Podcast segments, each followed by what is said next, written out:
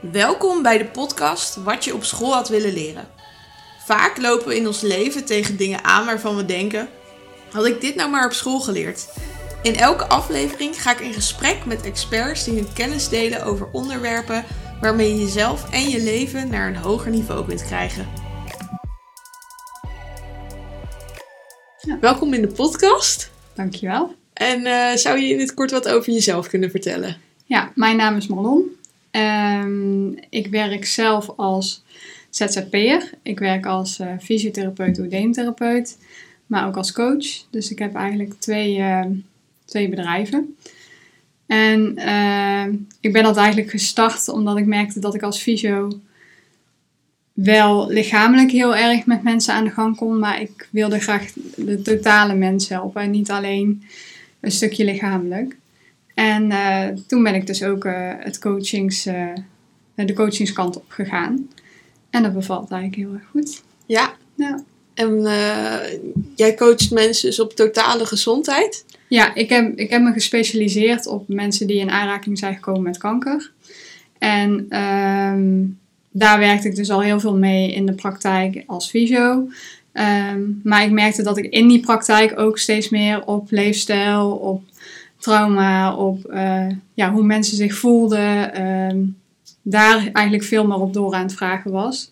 En dat eigenlijk het lichamelijke stuk eh, erbij kwam kijken.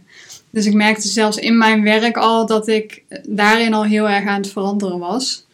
En toen merkte ik dat ik dus heel erg die behoefte had om iemand totaal te kunnen helpen, omdat dat lichamelijke stuk maar zo'n klein stukje eigenlijk van de genezing, heling is. En eh, toen ben ik me daarop gaan doorontwikkelen en vandaar dat toen die coaching erbij is komen te kijken. Mhm. Ja. En hoe ben je bij mensen met kanker terechtgekomen? Dat is een goede vraag. Dat vraag ik me soms ook wel eens af. Dat doe ik hier eigenlijk. Maar ehm, nee, wat ik, heel, wat ik altijd al heb gehad, ook als kind zijnde, ik vind het heel interessant eh, hoe een mens in elkaar steekt. Dus vroeger zat ik ook altijd als kind zijnde bij de volwassenen, om het zo maar eh, tussen haakjes te zeggen. Eh, in plaats van dat ik met de kinderen aan het spelen was. Ik vond gewoon hoe mensen hun gedachtegang, ehm, de problemen of de worstelingen die ze hadden, vond ik als kind zijnde vond ik al heel interessant. En daarom wilde ik eerst eigenlijk ook schoonheidsspecialiste worden. Die opleiding heb ik ook gedaan, want ik wilde dat mensen zich weer mooi voelden, weer beter voelden, beter over zichzelf eh, voelden. En, ehm, maar toen ik dat eenmaal daarin werkte, merkte ik ook dat dat niet genoeg was. Dus toen ben ik me weer door gaan specialiseren. En bij mij waren altijd de grote levensvragen, vond ik altijd heel interessant bij mensen. Van, hé, hey, waar word je gelukkig van? Of eh, wat loopt er niet? Wat, eh, ja, gewoon de, de wat grotere vragen vond ik altijd heel interessant. En ik dacht altijd dat ik heel veel opleidingen moest halen. Om zeg maar meer, steeds meer een totaalbeeld van een mens te leren kennen. Alleen dat was allemaal op uiterlijk vertoon. Net zoals schoonheidsspecialisten, maar fysiotherapie ook. Je behandelt in principe eh, een lichaamsdeel. En op een gegeven moment dacht ik van, ja, dit is het ook niet. Toen kwam ik in eh, mijn stage met fysio en toen liep ik mee met een oncologisch fysiotherapeut. Dus een, eh, een fysiotherapeut die gespecialiseerd is op mensen met ziekte kanker. En bij die mensen waren die levensvragen heel erg eh, aanwezig. Dus ook van eh, wat als ik, wat als er, als er geen, als ik geen, geen, als dit het zeg maar is, wat als ik binnen een paar maanden sterf, wat, wat heeft mijn leven dan betekend?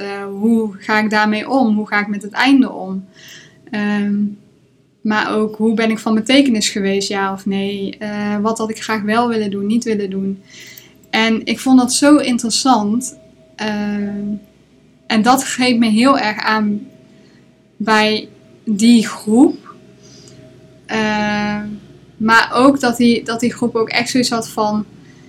Ik wil nu iets gaan doen. Ik wil nu een verandering gaan, gaan maken. Eh, maar dan ook met die diepere laag erbij. En dat raakte mij heel erg. En daarin heb ik gewoon heel erg mijn... Ja, eigenlijk mijn missie gevonden. Dat ik dacht van juist da- daarvoor ben ik hier zeg maar om die mensen juist sturing te geven en juist te helpen. ehm, dus zo, ja, eigenlijk in die, zo ben ik er zeg maar ingekomen. En daarna werd mijn eh, schoonmoeder ook ziek. En uh, we hebben dat van dichtbij meegemaakt. En uh, binnen een aantal jaar kreeg zij het weer terug en zij is er uiteindelijk ook aan overleden. En uh, we hebben heel het proces mogen meemaken, maar ook hoe zij in die ziekte stond en hoeveel, uh, ja, hoeveel kracht en ehm, geloof en vertrouwen ze er ook in haar proces liet zien, vond ik zo bijzonder. En wat ik bij haar zag, dat zag ik niet heel veel bij mensen.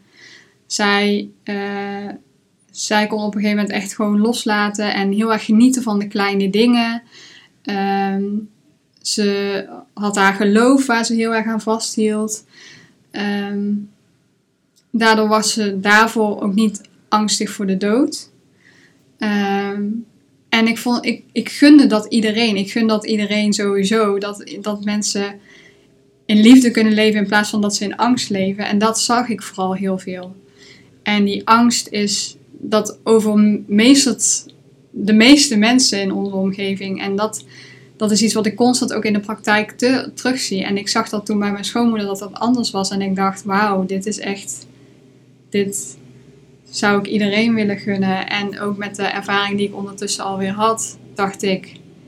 Ik kan nog heel lang masseren. Ik kan nog heel veel mensen daarin helpen. Maar uiteindelijk zit het hem daar niet in. Het zit hem juist in dat andere stuk. En uh, toen dacht ik, ik uh, moet, daar, uh, moet daar wat meer mee. Dus mm. vandaar. Mooi. Ja. En wat ben je toen gaan doen? Um, toen ben ik eerst zelf wat dingen gaan uitproberen. Dus uh, ik merkte, toen kwam de coronacrisis en ik werkte als ZZP'er. Ik had geen werk. Ik zat de hele dag thuis. Mijn schoonmoeder was toen net overleden. Dus ik zat thuis en ik kon niks. En toen dacht ik, ja, wat wil ik eigenlijk met mijn leven? En, en waar kan ik mensen juist heel erg bij helpen? En toen ben ik daar heel erg over na gaan denken. Toen ben ik zelf wat, wat werk gaan doen. Ben mijn e-patroon helemaal gaan omgooien. Ik, ben, ehm, ik heb een coachtraject gedaan al bij Janneke. Ehm, ik heb traumawerk op uh, gedaan. Ik heb uh, familieopstellingen, dat soort dingen, dat helemaal uitgezocht. Ik heb, um, ben me heel erg gaan verdiepen in dat stukje alternatieve geneeskunde, ook voor uh, mensen die te maken hebben met de ziekte kanker. En daar andere zienswijzen op. En, wat voor traumawerk heb je gedaan? Um, regressietherapie. Um, ik heb transformatieve yoga gedaan samen met Ganga Hogendorn. En ik heb een stukje, um, ze is ook bij jou in de podcast geweest met Erna, ben ik veel aan het werk geweest. En dat soort dingen heb ik zelf gedaan. Het tapping heb ik gedaan. Ja, zo, dat is het wat, ik, wat nu in me opkomt. Dat ja. heb ik zelf gedaan. En vanuit waar kwam dat? Dat je ineens iets had van, nou, ik ga uh, hiermee aan de slag en ik ga mijn voeding omgooien. Ja, ik had altijd al wel uh, last van hormonale klachten. En uh, ik ben ook hartritmestoornissen was ik bekend mee. Dus, en die kwamen ook in die periode juist weer wat meer opzetten. En ik had al van alles geprobeerd, van verschillende diëten. Ehm, nooit echt op, op um, ja, nooit echt met een coach of zo daarmee aan de gang gegaan. Of, of met een therapeut. Of op, op eigenlijk gedacht van... Hé, hey, wat proberen deze klachten mij te vertellen? Die vraag is mij nooit gesteld. heb ik ook nooit aan mezelf gesteld. En toen kwam ik eigenlijk juist met Janneke toen ook in... Met die vragen aan de haal van... hey, wat, wat is dit eigenlijk? Waarom heb ik dit? Waarom uh, heb ik hier last van? Wat probeert mijn lichaam me te vertellen? En toen ben ik daar dus heel erg ingedoken. En dan de juiste mensen om je heen zoeken die je daarbij kunnen begeleiden. En dan moet je het werk uiteindelijk wel zelf doen. Um, maar dat is wel hoe ik er toen dacht van oké, nu heb ik de tijd. Dan ga ik er nu ook in investeren. Ja. En wat voor klachten waren dat bijvoorbeeld? En wat, wat wilden die klachten jou dan vertellen? Um, de hartritmestoornissen, die, ehm, had ik, die heb ik rond mijn puberteit toen gekregen. En ik wilde toen gewoon ja, niet, niet de dingen doen die ik eigenlijk deed. En ik denk dat ik onbewust, want alles is onbewust. Het is, je bent ook niet schuldig aan dat je bepaalde ziektes of wat dan ook krijgt. Ehm, maar het is wel heel interessant om jezelf die vraag te stellen van... hey, waar probeer ik, wat, wat is niet oké of wat loopt er niet in mijn leven? En ik wilde toen eigenlijk stoppen uh, met voetballen, vond ik niet meer leuk. Ehm, ik durfde geen nee te zeggen, ik durfde niks af te zeggen, ik wilde overal bij horen. Ehm, en ik denk dat ik daardoor dat misschien ook wel onbewust opgewekt heb. Of dat ik, daar, dat ik er gewoon niet wilde zijn. Ehm, maar dat is heel tricky om te zeggen, omdat dat natuurlijk niet de gangbare denkwijze is van mensen. Maar ik denk dat dat daar wel mee te maken had. Ik wilde gewoon bepaalde dingen niet in mijn leven op dat moment. Mijn relatie, uh, uh, met vrienden, met, met voetbal, uh, überhaupt het leven wat ik had. En dat was een escape. En met hormonale klachten, ja, die heb ik altijd al wel gehad. Sinds dat ik ongesteld werd, had ik al uh, pijnklachten en dat soort dingen. Dus ik, dat, dat stuk ben ik ook nog een beetje aan het onderzoeken. Het, het, de pijn is in ieder geval helemaal weg. Ik kon op een gegeven moment gewoon weer helemaal functioneren. In dat jaar, anderhalf jaar dat ik uh, toen uh, begonnen ben met eten, trauma, dat soort dingen. Um, maar ik merk dat daar nog wel wat zit. Alleen, ja, wat dat dan gaat zijn, dat weet ik niet. Dat moet ik nog eventjes uh, ja. uitzoeken. Maar door met jezelf aan de slag te gaan, heb je er in ieder geval wel grote stappen in Ik denk 90% van de klachten weg. Ja. Alleen, er zit nog een 10%, merk ik. Ja. Um, maar ja, toen werd ik zwanger. Dus, ja. toen, dus toen was er niks meer te... Of ja, toen was er wel wat te onderzoeken. Maar toen kon ik op dat moment niet daarin nog een laagje dieper. Nee. En, en ik denk dat we heel vaak denken van, oh, we zijn er. En dan op een gegeven moment dan gebeurt er iets en dan denk je, oh nee, er zit toch nog misschien wat. Ja. Um, maar dat, dat waren de klachten en je, je menstruatieklachten waren gewoon echt pijn. Dat ik echt gewoon twee dagen eigenlijk alleen maar opgerold in bed wilde liggen. Dat ik eigenlijk niet kon functioneren. Toen wel een tijd de pil en zo allemaal gebruikt en toen was het wel beter. Maar toen ben ik uh, van de hormonen afgegaan. Omdat ik ook dacht van nou, dat is niet heel goed voor je gezondheid. Nee. Dus uh, toen ben ik daar ook mee gestopt. En toen kwamen die klachten weer hevig terug. En toen dacht ik, oké, okay, ik wil dit eerst goed hebben voordat ik ook... Uh, we hadden ook die wens om, om kinderen te krijgen. Dus ehm, toen heb ik ervoor gekozen om daar op tijd mee te stoppen. En toen kwam dus die klacht omhoog zetten. En toen dacht ik, oké, okay, dan moet ik daar nu wat mee. Ja. Ja. En uh, de hartklachten, zijn die, heb je die nog steeds? Of zijn die nee. helemaal verdwenen? Ja. Of is dat minder geworden? Ik heb er helemaal geen last meer van. Wauw. Ja. En kan je er precies de vinger op leggen waardoor dat komt? Of is het meer het geheel van uh, dingen die je hebt aangepakt? Um, ik denk in eerste instantie had ik heel erg het gevoel de voeding omdat ik, uh, ik had jaarlijks controle, sowieso mijn bloedonderzoek en zo. En mijn cholesterol was toen al altijd wat verhoogd. En ik ben toen van, nou, drie maanden heb ik uh, toen, ben ik eerst vegetarisch gaan eten. Daarna ben ik veganistisch gaan eten. En mijn bloedwaarden zijn gewoon helemaal weer, waren weer helemaal goed. En ik had ook, die zijn nog nooit zo goed geweest sinds mijn veertiende dat ik die onderzoeken heb gehad. En zo in het ziekenhuis in, ziekenhuis uit zijn nu mijn bloedwaarden nooit in mijn leven zo goed geweest. Dus um, dat was wel een heel groot deel. Maar hartritmestoornissen kan ook stressgerelateerd zijn. Dus ik denk ook zeker wel het werk wat ik gedaan heb, dat dat ook uh, daarbij bijdraagt. En uh, het koud douchen, het uh, meer naar buiten gaan, het beter in je vel zitten, het anders kijken naar ziekte, anders kijken naar, naar wat je lichaam je vertelt denk ik dat ik daardoor veel meer in balans ben gekomen. Ja, mooi. Ja. Ja, dus je hebt al die klachten toen aangepakt en je bent daar intensief mee bezig geweest tijdens de eh coronaperiode. En dat vind ik ook wel mooi, want ik ken bijvoorbeeld een hele hoop mensen die tijdens corona zoiets hadden van ja, het is echt een verpest jaar geweest. Ja. En eh, we kunnen niks, dus ik ga maar lekker de hele dag op de bank zitten Ja. en niks doen. en, eh, Ja. ik vind het mooi dat je, dat je het als kans hebt gezien. Ja. En ja, we hadden het net ook al over je Instagram name. Ja. Instagram naam. Zo.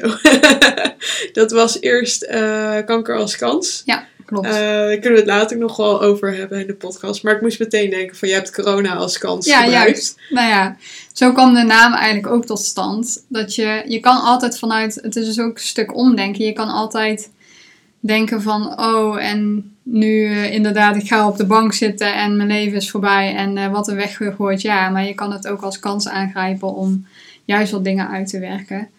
En dat betekent niet dat je niet even mag balen of dat je niet even verdrietig mag zijn, even boos mag zijn of wat dan ook. Ehm, maar zo kijk ik ook tegen ziekte aan. Het is een, ja, het is, ik, nuanceer niet hoe ernstig ziekte kan zijn. En eh, dat daar ook eh, ja, fatale gevolgen aan kunnen zitten. Maar je kan het ook als kans aangrijpen om juist een stukje heling of een stukje genezing eh, of, een, of een kans om wat dingen uit te diepen of met jezelf aan de slag te gaan. Mhm. Dus eh, Ja, mooi. Ja, ik denk ook juist dat de meest moeilijke momenten in ons leven juist de meest leerzame momenten ook kunnen zijn. En als je daar naar kan kijken en kijkt wat je daaruit kan leren, dan eh, ja, ja, kan het heel waardevol zijn. ja, dat denk ik ook. Ja. Ja. Ehm, en toen ben je dus gaan werken met mensen die eh, kanker hebben. Ja. Hoe ben je daar ingerold? Ehm, nou, dus toen ik ehm, af ging studeren als fysio, toen heb ik meteen een specialisatie op eh, een stukje oedeemtherapie. Dus dat is dan met vocht ehm, gedaan. En ook meteen een stukje littekentherapie en wat cursussen over oncologie over kanker eh, ben ik toen meteen gaan doen. En toen heb ik eigenlijk meteen die, die groep mensen naar me toe getrokken, ook in de praktijken waar ik toen werkte. En toen ik twee jaar in de praktijk werkte, toen ben ik uiteindelijk eh, als ZZP'er aan de gang gegaan. Omdat ik ook echt alleen me daarop wilde richten. En als je in een praktijk werkt en je werkt voor een werkgever, dan ja, moet je meedraaien in het, in het team. En dan wordt er ook van je verwacht dat je alles ziet of dat je dat samen natuurlijk oppakt. Maar ik wilde echt alleen dat stuk doen. Ik wilde me daar helemaal op specialiseren en ook alleen die groep eh, ja, zo goed mogelijk dus ook te kunnen, te kunnen helpen. En je kan je niet focussen op, één, ja, op alles en dan overal goed in zijn. Je, dus ik wilde me daar echt op gaan specialiseren. En eh, dat doe ik nu ook al voor eh, een aantal jaar. En daarmee werk ik gewoon dagelijks met ja, mensen die of eh, midden, er middenin zitten, dus net de di- diagnose gehad hebben. Maar ook de mensen die dus, eh, waarbij het eh, ja, een stuk beter gaat, die eigenlijk uitbehandeld zijn. Ehm, dus dat ze hun leven weer moeten gaan oppakken. En nog met de, met de restverschijnselen van chemobestraling, dat soort dingen allemaal moeten dealen. En ik werk ook met mensen die dus eh, geen toekomstperspectief meer hebben, dus die in de eindfase zitten. Ehm, daar werk ik mee. Ja, het is het de hele scala waar eigenlijk het woord kanker aan verbonden zit. Daarmee werk ik. Ja. Ja. En zijn dat dan mensen die eh, naast het reguliere circuit in het ziekenhuis op zoek zijn naar iets eh, wat ze erbij kunnen doen? Of zijn het ook mensen die zeggen van ik wil niet naar het ziekenhuis, ik ben op zoek naar een alternatieve methode? Ehm, de mensen in de praktijk, dus waar ik als eh fysio werk, die, die hebben eigenlijk altijd wel het reguliere circuit. En gehad of zitten ze in. En ehm, die komen dan bij mij. En dan help ik ze, dan, dan help ik ze in dat stuk. Ehm, maar met de coaching trek ik juist ook mensen aan die volledig alternatief willen of voor een deel alternatief. En in de praktijk praat ik natuurlijk wel over die alternatieve wijze. Dus sommige mensen willen daar wel in mee en sommige niet. En dat is ook helemaal oké. Iedereen moet daarin zijn eigen weg vinden. Er is ook niet ik heb ook geen plan voor ze klaar van als iemand een coachingstraject bij mij komt doen van hey, dit moet je volgen en dan is het goed. Mhm. Ik kijk gewoon echt naar de persoon zelf en daarop pas ik het plan aan. Of dan bespreek ik dat en dan maken we samen eh, ehm, ja, de weg die zij gaan be- bewandelen. Ehm, maar in de praktijk is het voornamelijk nog regulier. En hoe denk je dat het komt dat die mensen op zoek gaan naar alternatieve mogelijkheden?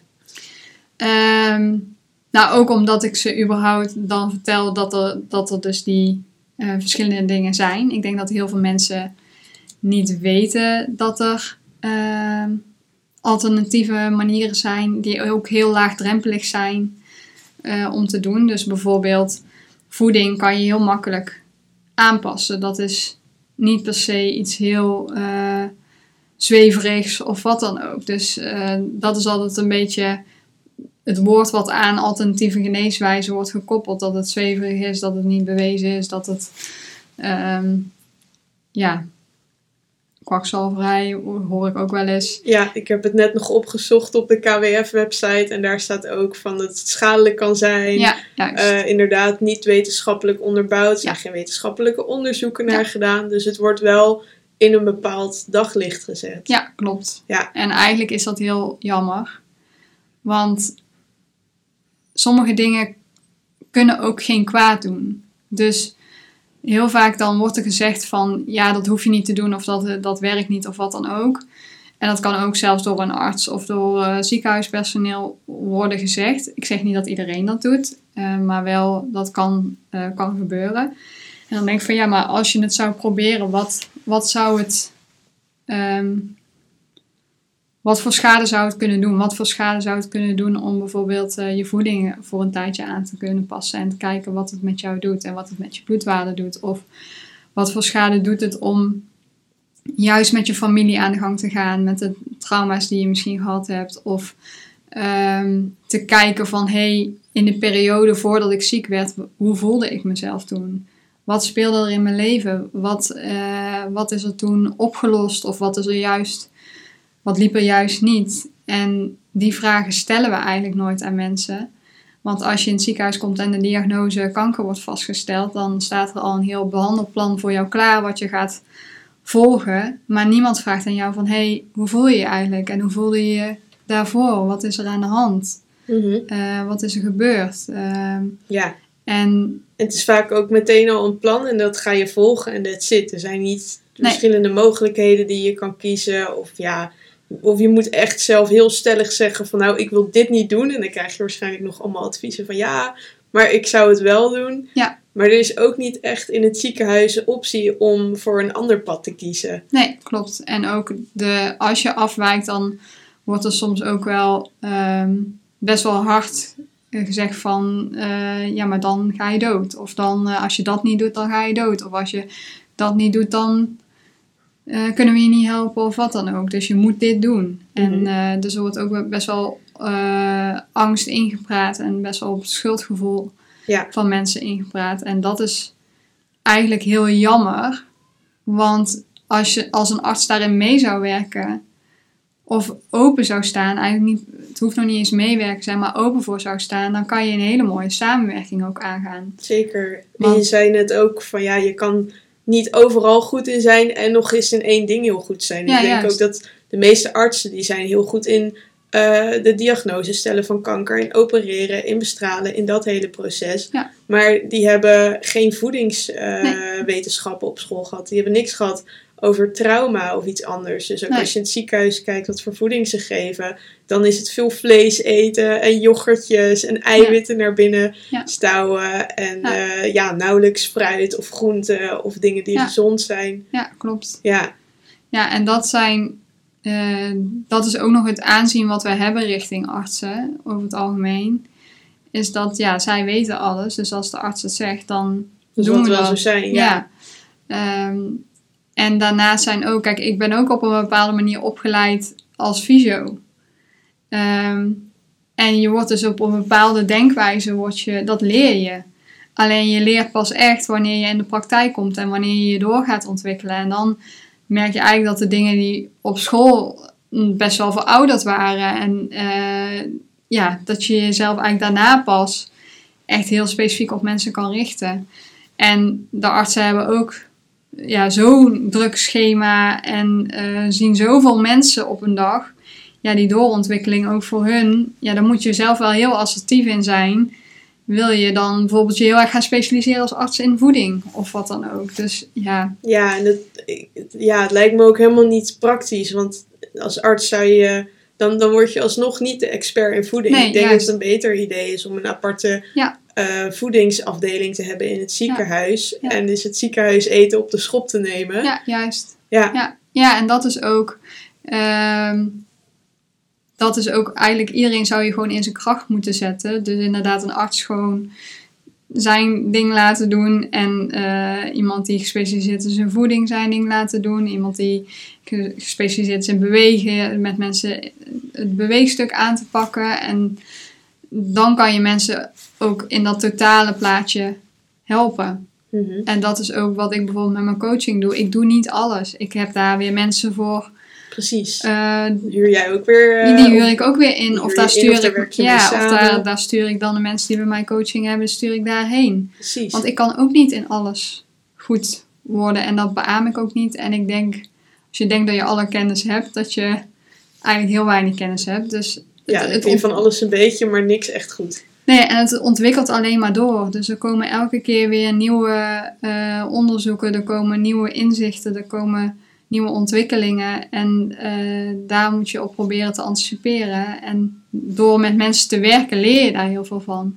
Mhm. En ehm, ja, ik denk dat, dat dat ook nu in het huidige systeem, dat we daaraan tekort schieten. Dat we gewoon mensen eigenlijk hun ziekte zien, maar niet de persoon zelf. Ja. En dat zou wel wat meer mogen. Ja. Ja. Ja, en er wordt ook eh, heel negatief aangekeken tegen alternatieve geneeswijzen. Ja. Ja, we hadden het al eerder dus over je naam gehad. Ja. Dat, eh, want je had op je Instagram een naam kanker als kans. Ja. En eh, je zei ook al even dat je mensen wilde interviewen. Ja. En eh, die kanker hebben gehad en die eh, op een alternatieve wijze zijn genezen. En dat daar heel veel weerstand eigenlijk bij kwam. Ja, ik ehm, wilde heel graag mensen die dus eh, zichzelf hebben genezen. Geneest iedereen zichzelf dan uiteindelijk van kanker. Ehm, maar die mensen die het op een alternatieve wijze hebben geprobeerd, of een alternatieve wijze erbij hebben gebruikt, naast het reguliere circuit, die wilde ik juist interviewen om inzicht te geven aan mensen van hey, deze manieren zijn er ook. En dat is niet om dan een copy-paste eh, eh, die persoon na te doen. Dus stel die persoon heeft borstkanker gehad, eh, dan is niet als jij borstkanker hebt dat je dan precies hetgene moet doen wat die persoon doet. Maar het kan je wel inzicht geven van, oh, dus je kan ook met voeding dat doen. Of je kan naar die therapeut gaan, of je kan daar naartoe gaan. En ik denk dat dan het een kwestie is van wat jij voelt, intuïtief eigenlijk, van oh, dat vind ik heel interessant, of dat grijpt mij wel aan, of dat blijft in mijn hoofd spoken. Ja, En eh, dan is dat misschien een, een kant die jij daarnaast ook nog kan bewandelen. En dat wilde ik heel graag met mijn podcast doen.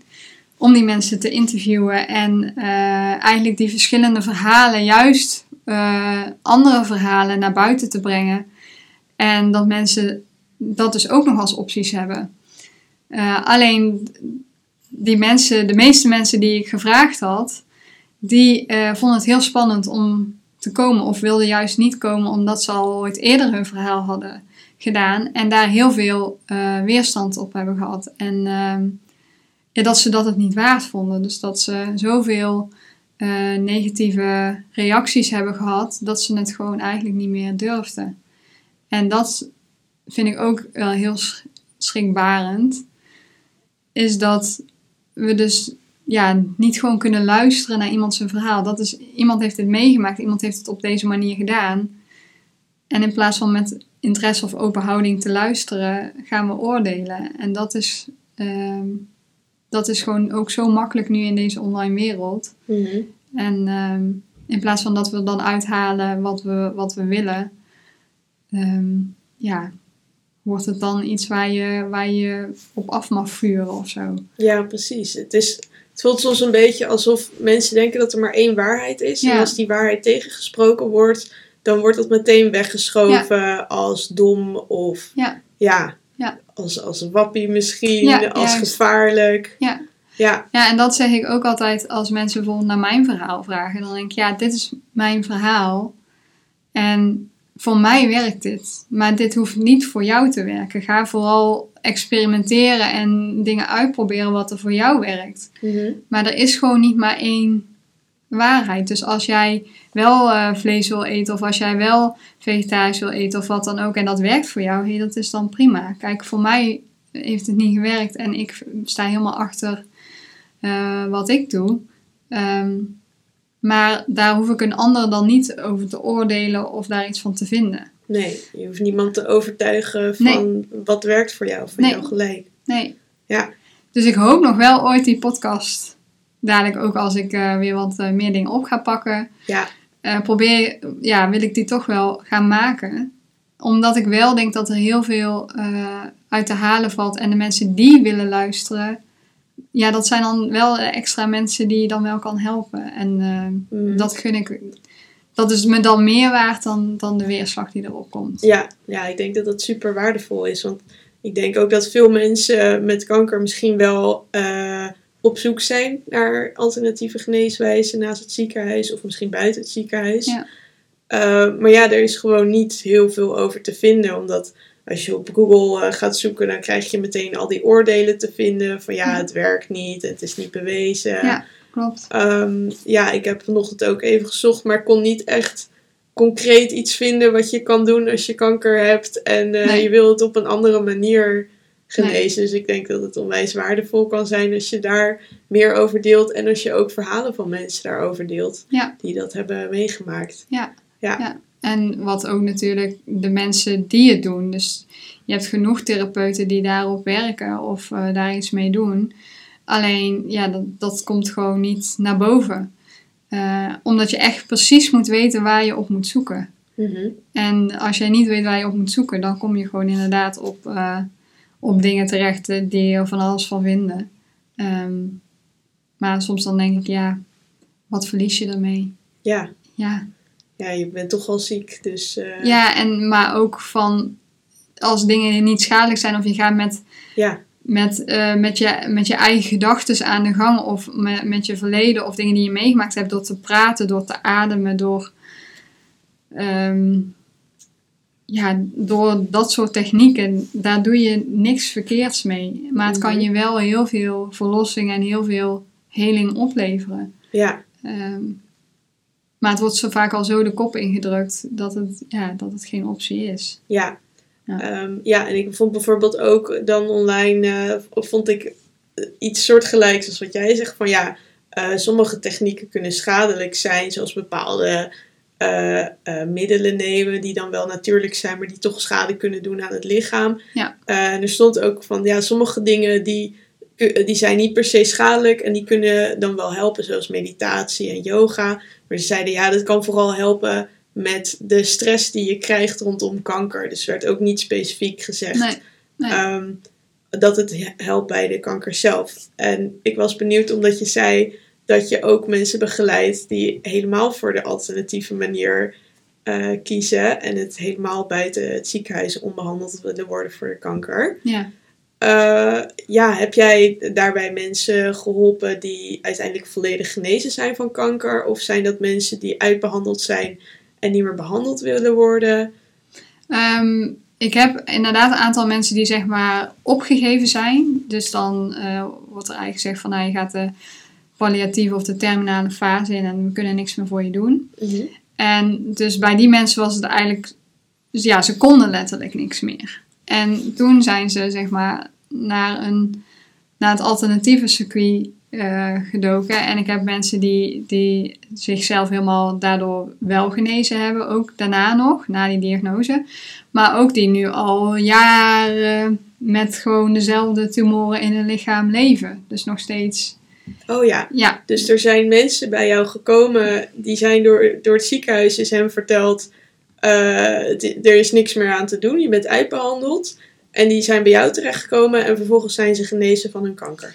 Ja, en ehm, dus ja, die heb ik. En dan de mensen die dus de diagnose toen hebben gekregen en helemaal, eh, dus nog steeds dezelfde tumoren, Ja, hebben, maar nu bijvoorbeeld alweer tien, tien jaar al leven en eh, Ja, dat dat niet verandert. Maar die hebben wel allemaal bepaalde levensveranderingen doorgemaakt, of ja, echt wel doorgevoerd. ja, En ja, achteraf weet je nooit of dat, dat wat dan precies hetgene is wat dan geholpen heeft. Maar ja, ze leven nog steeds. En zij zijn echt overtuigd dat dan bepaalde dingen die zij veranderd hebben, ook echt zo, eh, echt, dat dat de doorslag is geweest. ja, ik denk dat, dat, dat je dat bij jezelf misschien ook heel sterk kan aanvoelen. Dat Ja, het voor juist. buitenstaander lastig Ja. is om daar de vinger op te leggen. Ja. Ja, Ja, dus dat is ook vaak niet iets wat ik dan, eh, ik vraag daar heel erg naar.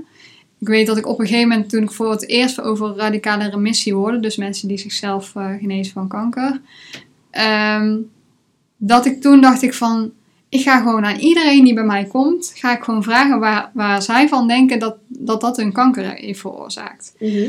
Dus ik ben die vraag eigenlijk aan iedereen gaan stellen. En ik zag toen echt eh, ja, rond de 15 mensen per dag, zag ik.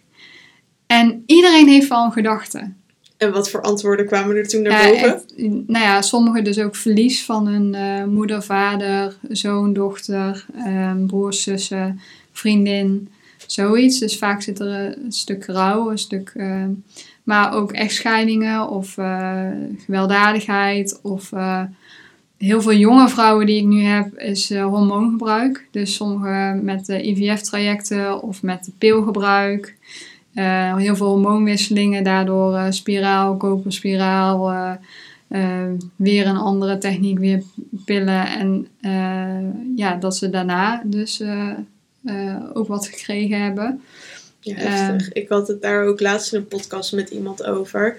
En die zei ook van ja, waarschijnlijk als je klachten hebt met je ongesteldheid, dan wil je lichaam je gewoon wat vertellen. Ja. En op het moment dat je aan de anticonceptie daarvoor gaat, dan onderdruk je eh, eigenlijk wat je lichaam, je onderdrukt je lichaam. Ja. Je onderdrukt de klachten, dus je lichaam probeert met je te communiceren. Ja. En eh, ja, je zegt eigenlijk nee, ik wil niet luisteren. Plus je stopt er nog een pil in of een spiraal, waardoor je nog meer hormonen in je lichaam krijgt, waardoor, je, waardoor weer nieuwe klachten ontstaan. Ja, juist. Ja. Ja, en dat is eh, even op jouw naam van jouw podcast. Ja. dat is wat we eigenlijk op school zouden moeten leren. Dat we weer naar ons lichaam leren luisteren. Ja. Ons lichaam is echt de perfecte spiegel met hoe het met ons gaat. En als jij, als ik bijvoorbeeld eh, een, eh een koortslip eh, krijg, of ik krijg eczeem, of ik, of ik voel me niet lekker, dan vroeger stopte ik er dan misschien een pil in of zalfjes of weet ik veel wat. En nu ga ik eerst eens kijken, ah, wat, wat is er met me aan de hand? Wat, wat is er gebeurd? Waar kan ik op aanpassen? Dus het is een hele andere kijk naar je lichaam toe van, hé, hey, wat, wat probeert het me te vertellen? En waar we helemaal oké zijn met bijvoorbeeld dat we in de vakantie een griepje krijgen of dat we ons niet goed voelen omdat we te veel gewerkt hebben of door zijn gedraafd, eh, is met de grotere ziektebeelden, dus eh, met hart- en vaatziekten, met kanker, met van alles en nog wat, of, of überhaupt een knieblessure, ehm, stellen we die vraag ons niet van hey, eh, waarom gebeurt dit nu? Zat ik niet lekker in mijn vel? Is er iets gebeurd? Had, ja, die vragen stellen we ons dan niet. En dat is denk ik juist de meest interessante vraag. En wat we eigenlijk zouden moeten leren is, ja, wat, wat probeert ons lichaam ons te vertellen? Ja. En alleen jij weet dat antwoord. Ik weet niet wat er in jouw hoofd en lichaam omgaat. Dat voel, voel jij alleen. Dus uh, ook als coach, ik kan niet voor iemand die antwoorden geven, maar ik kan je wel helpen om daar naar te zoeken en hoe je daarna moet zoeken in jezelf. Maar daar zit het stukje heling, het stukje genezing vaak in. Ja. Ja. En uh, ja, dan komen mensen bij jou natuurlijk pas aan als ze echt al uh, ja. kanker hebben. Als de klachten al ja, zo ver ontwikkeld zijn dat ze denken, oh, dan moet ik wel ergens mee aan de slag. Ja. Maar ik kan me natuurlijk ook voorstellen dat heel veel mensen misschien al het gevoel hebben van, nou ja, er zit ergens wat en het knaagt een beetje en er is nog niet Ja. eh, ja, zoveel aan de hand dat ik naar de dokter moet of dat ik radicale veranderingen moet maken. Maar eh, ja, ik zou er eigenlijk wel wat mee willen. Ja. Eh, ja, wat, wat heb je voor tips daarvoor? Ja, ik denk dat het altijd interessant is om te kijken en dat je nieuwsgierig mag zijn naar, je, naar inderdaad wat je lichaam je probeert te vertellen. Dus eh, ook al zijn het maar de meest kleine klachtjes, dus dat je even last van je rug hebt of dat je een aft in je mond hebt of dat je ehm, een trillend oog hebt of wat dan ook, dat je, dat je dan zonder een oordeel naar jezelf te hebben of dat je zwak bent of dat je je hoeft te schamen dat jou eh, iets overkomt of wat dan ook. Dat je nieuwsgierig gaat kijken naar jezelf. Wat, wat loopt er nu niet lekker? Of wat heeft er niet lekker gelopen? Of wat is er gebeurd in mijn leven eh, de afgelopen weken? Heb ik het mezelf helemaal volledig aan een project gegeven? En heeft me dat iets te veel eh, tijd en energie gekost? Of zit mijn relatie niet lekker? Of baal ik ervan dat ik die vriendin niet meer zie? Of baal ik ervan dat ik juist die vriendin elke keer moet zien. Eh, het zijn van die kleine dingen die je wel veel beter in je vel zou kunnen laten zitten als je daar mee aan de slag zou gaan. Ja. Dus mijn tip is, ja, wees nieuwsgierig. Ga nieuwsgierig naar je lichaam en naar je gedachten kijken zonder oordeel, wat heel moeilijk is. Ehm, en ga dan uitzoeken van wil ik hier iets mee? En dan kan je dus hulp gaan zoeken. Of je kan zelf uh, daarmee met vragen aan de slag gaan. En hoe kijk je tegen eh, ja, bijvoorbeeld blessures van buitenaf aan? Ehm, en dan kan je een voorbeeld geven? Eh, bijvoorbeeld als je op straat loopt en je verswikt je enkel en je hebt last van je enkel. Ja, ik denk dat je lichaam zo, ehm, ja, zo, ja, zo krachtig is. Dat het is gemaakt om niet elke keer als je naar buiten stapt eh, door je enkel te gaan. Dus ik denk dat er dan dat je misschien niet helemaal lekker in je vel zit, of misschien moe bent, of misschien eh, dat dat misschien toch gebeurt. Ehm, maar ja, dat is altijd lastig om te zeggen, want dat is natuurlijk met een enkel, maar dat is dan ook met wat grotere ziektes. En ik denk niet dat mensen dat over zich, per se over zichzelf afroepen. Ehm, maar ik denk wel dat achter elk iets een, ja, een achterliggend achterliggende oorzaak zit zonder dat je die weet. Mhm. Ja. Ja, en denk je dat, ehm, dat dat ook bij kanker het geval is? Want eh, ja, de meeste mensen die zeggen van, nou ja, kanker dat is gewoon pech hebben. Ja. Of dat zijn je genen. Ja. Ehm, ja, we weten niet waardoor het komt. Het is een mutatie die ineens opspringt. En Ja. de ene persoon die krijgt het en de andere krijgt het niet. Ja, Hoe nou, kijk jij er tegenaan? ja, dit is een lastige, want dit is heel beladen natuurlijk. Mhm. Ehm, kijk, net zoals genen, dat is ook een stukje waarmee je natuurlijk geboren wordt. En eh, genen zijn eigenlijk de kogels die in een pistool zitten, eh, maar de leefstijl en, en alles eromheen is wat de trigger uiteindelijk overhaalt. Dus ik denk dat je inderdaad met die genen eh, geboren kan worden of dat je erfelijk daarin belast bent. Alleen ehm, het is wel wat je er vervolgens mee doet in je leefstijl en in je leven, wat eh, extra die trigger kan laten, eh, kan laten afgaan. En nogmaals, ik denk, niemand is schuldig aan dat hij kanker krijgt of dat hij ziek wordt of wat dan ook. Niemand doet dat bewust. Echt niemand. En eh, ik wil daar ook niemand mee afdoen die op dit moment die ziekte doormaakt of die iemand eraan verloren is. Of, ehm, want daar, daar zit gewoon heel veel verlies, rouw en pijn.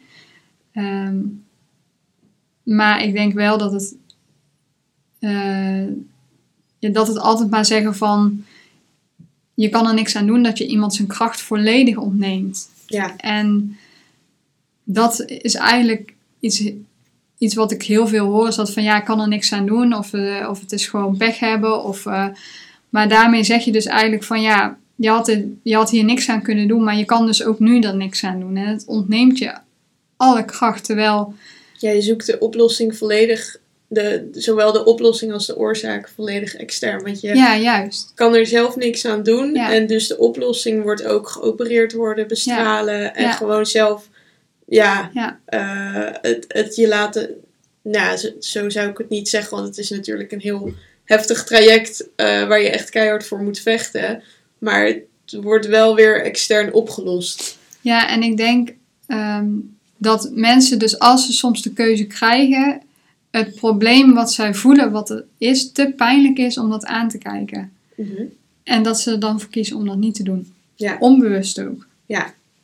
En ik, ik merk ook sommige mensen die ik in, het, in de eindfase meemaak, die nog een bepaald trauma, maar gewoon het niet aan willen kijken en het niet willen delen. En dat het dan ook dus weggewuifd wordt door eh, artsen of mensen om hem heen van hey, ga dat nu niet allemaal eh, ophalen, want dat, heeft geen zin. Ja, Ja. dat is te veel. Ja, Terwijl je wel vaak ziet dat juist in die laatste fase mensen dat stuk nog juist heel graag zouden willen helen.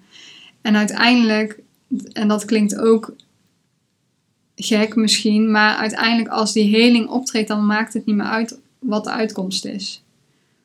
Dus ik zie heel veel mensen die dat stuk dus wel delen en daar verlichting in voelen en dan heel vredig kunnen gaan. En dat is voor hun dan helemaal prima. Dus het is super eh, verdrietig eh, voor de omgeving eromheen, maar voor die mensen is het ehm, een bepaalde rust. Ja, dat, dat zo gun je iedereen om te gaan. Mhm. Ehm, en dat maakt het gewoon heel, heel cru altijd, want er zit gewoon heel veel pijn op dat stuk en op pijn op het woord kanker en pijn op het doodgaan überhaupt.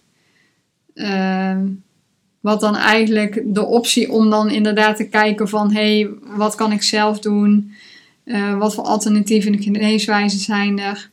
Maar ook eh, door überhaupt ja, jezelf vragen te stellen en, en met jezelf aan de gang te gaan en het niet alleen maar extern te zoeken. ja. Ja, Ja, ik, vind, ik zat ook nog te denken over ehm, genen en eh, kanker doorgeven. Of als er wordt gezegd van kanker zit in de familie. Dat kan natuurlijk ook iets zijn wat niet met de genen te maken heeft. Want trauma's kunnen ook doorgegeven worden Ja. in de familie. Of ehm, bepaalde patronen kunnen doorgegeven worden in de familie. Ja. Dus ik heb ook wel eh eens gehoord dat een bepaalde soort kanker dat dat te maken kan hebben met het niet kunnen uiten van je emoties. Ja. Eh, en ik zie bijvoorbeeld bij mij in de familie is daar ook van alles eh, ja, mee aan de hand. En daar komen ook allerlei soorten kanker voor. En ik, Ja. Ja, dat wordt natuurlijk ook weer van generatie op generatie doorgegeven. Dat zit dan niet per se in je DNA. Nee. Maar dat krijg je wel weer mee van je ouders en van je omgeving. ja, het is ook het collectieve trauma, maar ook het familietrauma inderdaad. Wat er, wat er in de lijn kan zitten. Bijvoorbeeld in de lijn van de vrouwen of in de lijn van de mannen. Of, eh, en iets waar dan elk kind totdat het opgelost wordt eh, mee belast kan worden. Ja. Ehm, en ik weet niet, ehm, het boek Bestaansrecht van Maarten Oversier. Heb ik van gehoord. Ah, Maar, eh, nou, die deelt daar ook een, eh, die doet veel met uh, reïncarnatietherapie. En die heeft ook een verhaal in zijn boek staan over iemand die dus hetzelfde, dezelfde soort kanker kreeg als haar oma, even uit mijn hoofd. En dat er gewoon een bepaald iets nog niet opgelost was. En zodra zij dat opgelost had, Ja. verdween die kanker ook. En was dat iets wat haar oma eh, dan had moeten oplossen in haar leven? Of waar ja, wat haar oma, is, eh, waar haar oma mee gestruggeld heeft. En Ja. uiteindelijk kwam dat ook weer bij haar. Ja, Ehm, en zo kan het ook zijn dat een bepaald trauma of een bepaalde manier tegenover vrouwen of eh, minachting of wat dan ook, generatie voor generatie ja, wordt doorgegeven. Totdat er iemand komt die eh, daar een stokje voor gaat steken en daarmee aan de gang gaat. Maar dat zijn niet de makkelijke wegen, want heel veel mensen denken ook van de alternatieve wijze, ja, dat is makkelijk. Maar het, is juist die mensen iedereen moet heel hard werken. En ehm, eh, of je nou de reguliere circuit volgt of het alternatieve. En bij het alternatieve komt er ook nog eens heel veel oordeel op. ja. Dus dat je, mentaal eh, ja, dus ook jouw zijn. omgeving. Je ziet dat die mensen vaak heel veel ehm, heel erg een mannetje moeten staan of heel veel mensen uit hun leven kwijtraken omdat ze een bepaalde keuze maken. Omdat Ja. de mensen in hun omgeving zeggen van ja, maar ik ga jou niet zien doodgaan. Ja, En dan dus eh, daarvan weglopen omdat het te pijnlijk is om aan te kijken. ja, heftig. Dan Ja. kom je eigenlijk op voor wat je wil en dan eh, Ja.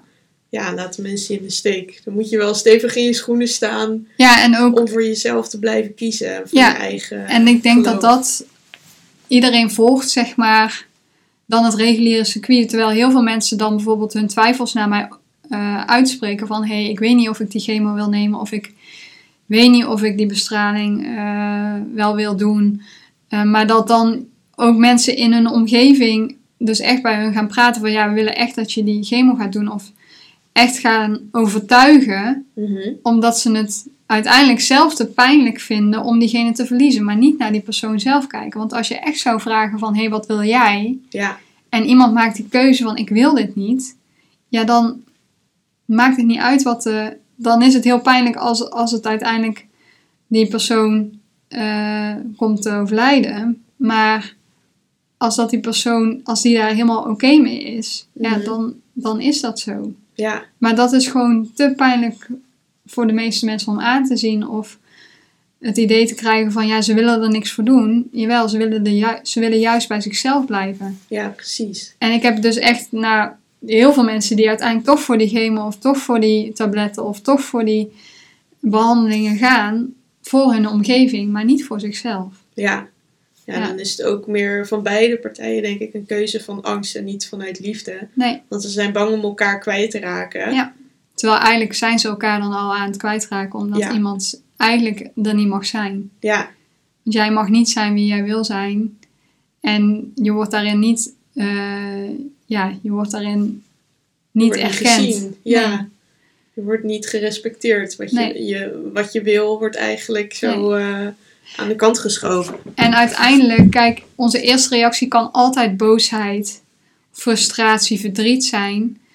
Maar als die eerste reactie voorbij is en je kan dan even een stap terug doen en even een wandeling gaan maken en bijvoorbeeld dan gaan nadenken, oké, mijn moeder of mijn partner wil dit.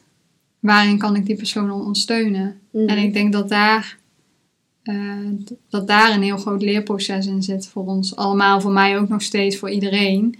Eh, want we zijn ook met de, inderdaad met de familie, je bent met de familie opgegroeid, dat zul jij ook eh, merken waar de eerste reactie, die heb jij heel jouw leven gezien bij jouw familie op elkaar.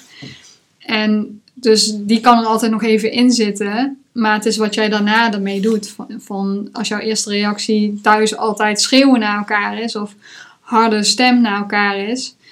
En dat gebeurt in een heat of the moment weer bij jou. Dan kan je altijd daarna nog terugstappen van... Hé, hey, ik, heb net, ik, ik heb dit net gedaan. eh, maar ik wil er even op terugkomen nu dat ik wat rustiger ben.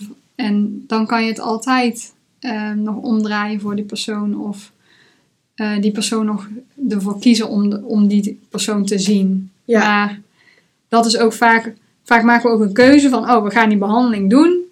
Of eh, ik vind dit ervan en daar mag je dan niet van afwijken. Terwijl je misschien in ja, de weg ernaartoe... wil en jij Ja. moet doen wat ik Ja. eigenlijk wil. Ja, maar ook gewoon, ik heb gekozen om die chemo nu te doen. Dus ik ga hem ook helemaal afmaken. Ja, precies. Terwijl je na twee keer misschien denkt van, dit, dit wil ik helemaal niet. ja, Of na twee keer bestraling denkt van, nou, dit, dit, dit, het dit voelt niet goed. Ja, En ik wil stoppen. ja, Ehm, maar ook iemand bijvoorbeeld je, je partner gedwongen hebt om die behandeling te doen en dat je na één keer zoiets hebt van ja maar ik zie dat ze hieraan onderdoor gaat of hij. Mhm. dan kan je alsnog tegen die persoon zeggen van hé hey, je hoeft het niet voor mij te doen en doe waar jij goed bij voelt. Ja, Eh, maar vaak denken we dat we bij ons standpunt eh, of onze weg die we gekozen hebben dat we die moeten afmaken. Voortzetten, ja, maar dat is niet zo. Ja, dus daar zit ook. ehm, we mogen fouten maken en als kind zijn, als baby zijn, mag dat helemaal.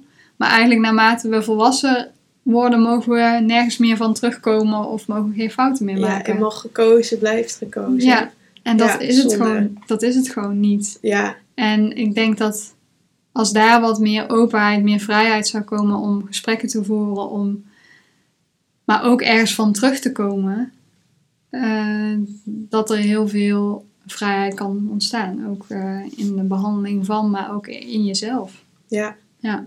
Ja, en ik denk dat het allemaal wel te maken heeft met eh, de kennis die er is over alternatieve geneeswijzen. Want ik heb zelf ook wel eens zitten denken van ja, eh, ik ben wel redelijk bezig met alternatieve dingen om jezelf te genezen. Ja, En toch, ja, als, zat ik te denken, wat zou ik nu doen als ik kanker zou krijgen? Dan weet ik toch niet of ik daar 100% op zou vertrouwen, omdat ik gewoon niet weet wat er allemaal is en wat er mogelijk is en wat de resultaten zijn. Ja. En eh, ja, dan, maar voor mij voelt naar het ziekenhuis gaan ook weer niet goed om dan chemo in je lichaam te laten spuiten en jezelf te vergiftigen. ja, Ehm, en ik heb ook natuurlijk het idee dat ja, de kanker die probeert je wat te vertellen en die Ja. zit er voor een reden. Ja. Dat geloof ik wel. Maar ja, het is gewoon lastig als er weinig bekend is. Het zou ook kunnen dat heel veel mensen denken van nou, als iemand nee zegt tegen het ziekenhuis, dan zegt diegene gewoon nee tegen behandelen en dan is het klaar.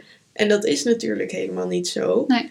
Ehm, maar ja, ik denk dat de, dat de oplossing ook zou kunnen zijn dat er gewoon meer informatie beschikbaar komt over de andere methoden. Ja. Dat je dan bijvoorbeeld je partner zou kunnen informeren van hé, hey, ik heb dit geprobeerd en eh, of ik, ik heb erover gelezen en het werkt gewoon niet voor mij, ik wil het niet. Ja. Maar dit en dit en dit ga ik allemaal wel proberen en dit is er mogelijk en hiermee zijn deze resultaten behaald. Ja. En eh, ja, Ja, ik denk ook wat, je, wat jij zegt is, dat is het ook. Je weet niet wat je doet als je de diagnose krijgt. En ik denk ook niet dat je dat ooit zal weten. Ik krijg de vraag heel vaak van, wat zou jij doen? Maar ik weet niet wat ik zou doen. En ik denk dat dat ook het stukje intuïtie, onderbuikgevoel, dat stuk moet zijn. Ja. Eh, dus ik ben niet per se tegen chemo, bestraling, pillen, wat dan ook. Als iemand voelt dat hij dat moet nemen, hey, dan moet diegene dat nemen. Mhm. Ehm, voelt diegene dat hij alleen maar alternatieve wijzen of alleen maar dat moet doen, helemaal prima. ja, Ehm, en ik denk dat dat, dat dat het ding is. Iedereen heeft zijn eigen weg. En het is het invoelen bij jezelf. eh, of waarmee je resoneert. Dus ook al kan je niet zo goed ehm, aanvoelen wat voor jou de beste keuze is.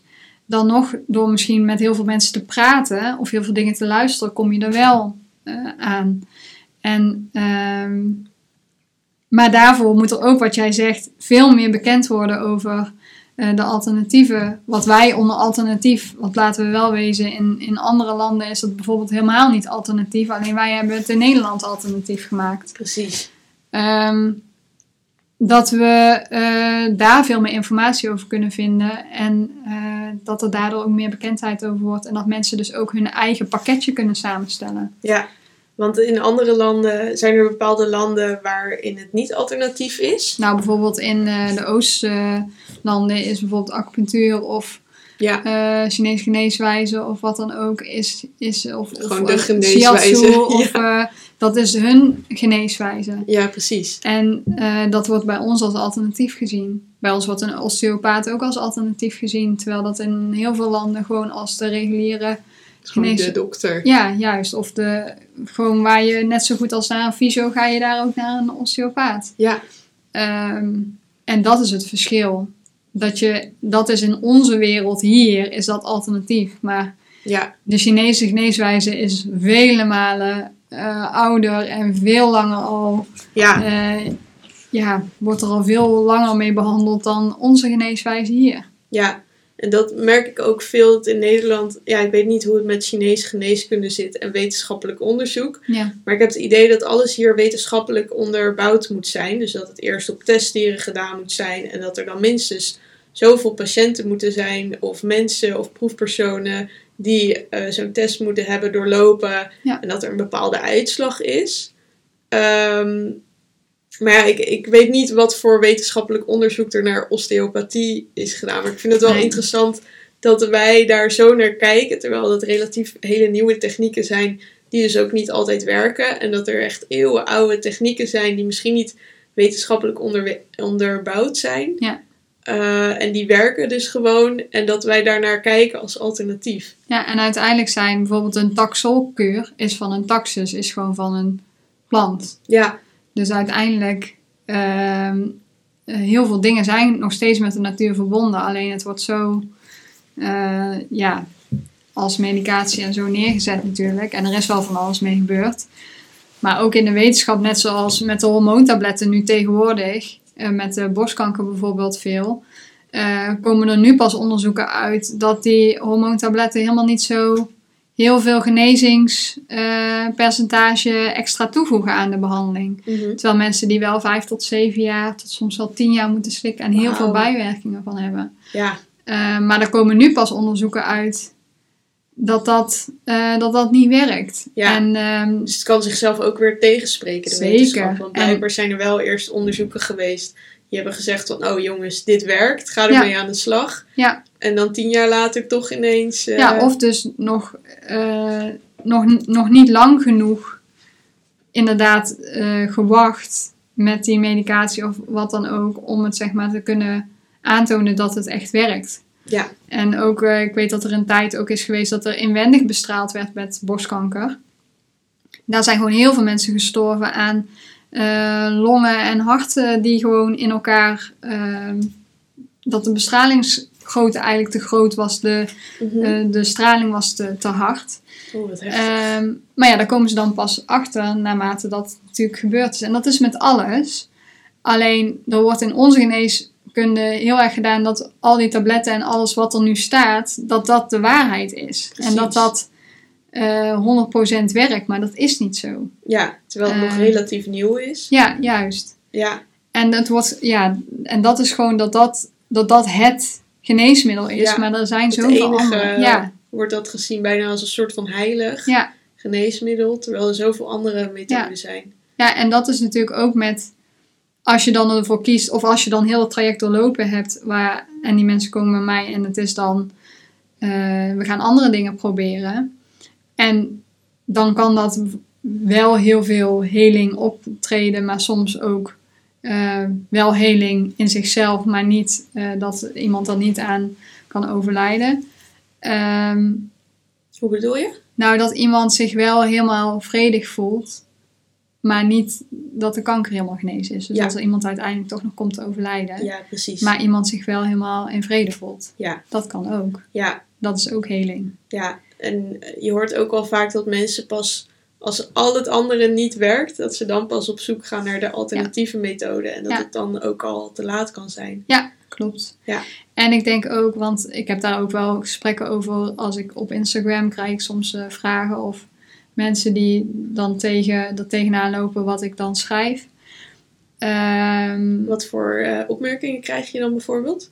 Nou, bijvoorbeeld dat een, een geliefde van hun net overleden is aan kanker en dat sommige mensen er echt niks aan kunnen doen en dat die echt alles geprobeerd hebben en dat ze dan, ehm, ja, dat ze dan alsnog niet eh, zichzelf hebben kunnen genezen.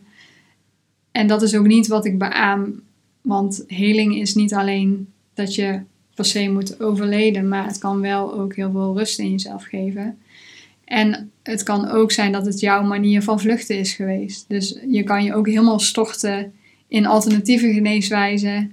En in andere, in, in je daar helemaal aan vasthouden zonder dat jij echt naar binnen gaat kijken. Ja, Dus je hebt dat op elk vlak. Ehm, maar uiteindelijk, ja, gaan er ook gewoon, ja, mensen overlijden er ook aan. En dat zal ik nooit kunnen weerhouden. Dat is ook niet mijn doel. Het is wel mijn doel dat mensen daarin, ook in dat laatste stuk, wel hun vrede en eh, zichzelf een stuk lichter kunnen voelen. En daardoor mooi of, of fijn kunnen overgaan. ja, En dat is ook ja, wat je kan bereiken. ja, mooi. Ja. Ja. En dan eh, had ik nog een vraag. Ja. En ehm, ik, eh, ik, ik, ik heb een keer een documentaire op Netflix gezien over paddenstoelen. Ja, En daarin vertelt een man dat er een bepaalde soort paddenstoel is. En eh, zijn moeder van 80, die had ook ongeneeslijke kanker.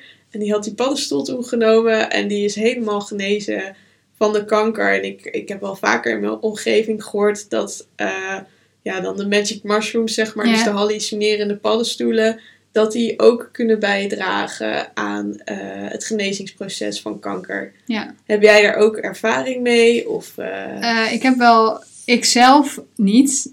Ik heb het zelf nooit gebruikt of, of gedaan. Ehm, maar ik heb wel mensen in mijn omgeving die dat wel hebben gedaan. En ik heb ook iemand die veel ayahuasca heeft gedaan. Mhm. En die zo ook haar eigen genezingsproces heeft doorgezet. Oh, wat mooi. Ehm, Ja. En dat zijn natuurlijk ook gewoon natuurlijke geneesmiddelen. Juist. Ja. Ayahuasca is ook een Ja. plant in de natuur. Ja, Ja. paddenstoelen die komen gewoon uit de grond. Maar vaak wat ik wel zie is dat mensen wel verschillende dingen doen. Ja. Dus dat ze niet alleen de eh, paddenstoelen, de magic mushrooms gebruiken of alleen de ayahuasca of alleen voeding. Vaak is het een samen eh, ja, een pakketje wat iemand verandert of aanpast of mee aan de gang gaat. En dat brengt uiteindelijk tot die, eh, tot die genezing of heling eh, toe. En wat je vaak merkt is met die, met die magic mushrooms en met die ayahuasca, is dat mensen een bepaald inzicht krijgen. Precies. Waar ze eerst niet toe konden komen, omdat hun gedachten zo belemmerend waren en, en hun omgeving en alles waar ze in zaten, dat ze daar gewoon niet uit konden breken en niet bij zichzelf konden komen. En dat dan juist zoiets ehm, tot dat bepaalde inzicht kan laten komen. En dat ze dan heel gericht kunnen gaan werken, of juist misschien al door dat te doen al een bepaalde heling optreedt. Ja, Ja. ja. Ik denk ook dat veel mensen kunnen denken dat ehm, eh, als je ehm, hallucinerende drugs neemt, dat het gewoon leuk kan zijn en dat je gaat zweven, lekker gaat trippen.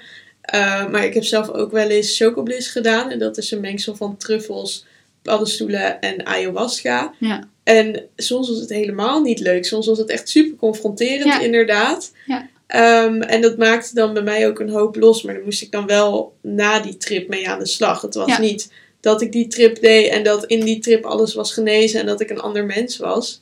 Het waren wel dingen waar ik daarna in mijn leven ook wat mee moest doen. Ja. Ehm, maar door die trips is het wel, zijn een hele hoop dingen zijn veel helderder bij mij geworden. Ja, En daar kon ik dan ook echt niet meer omheen. nee. Dus ja, dingen die ik dan in mijn dagelijks leven deed, waar ik eigenlijk een beetje weerstand bij had.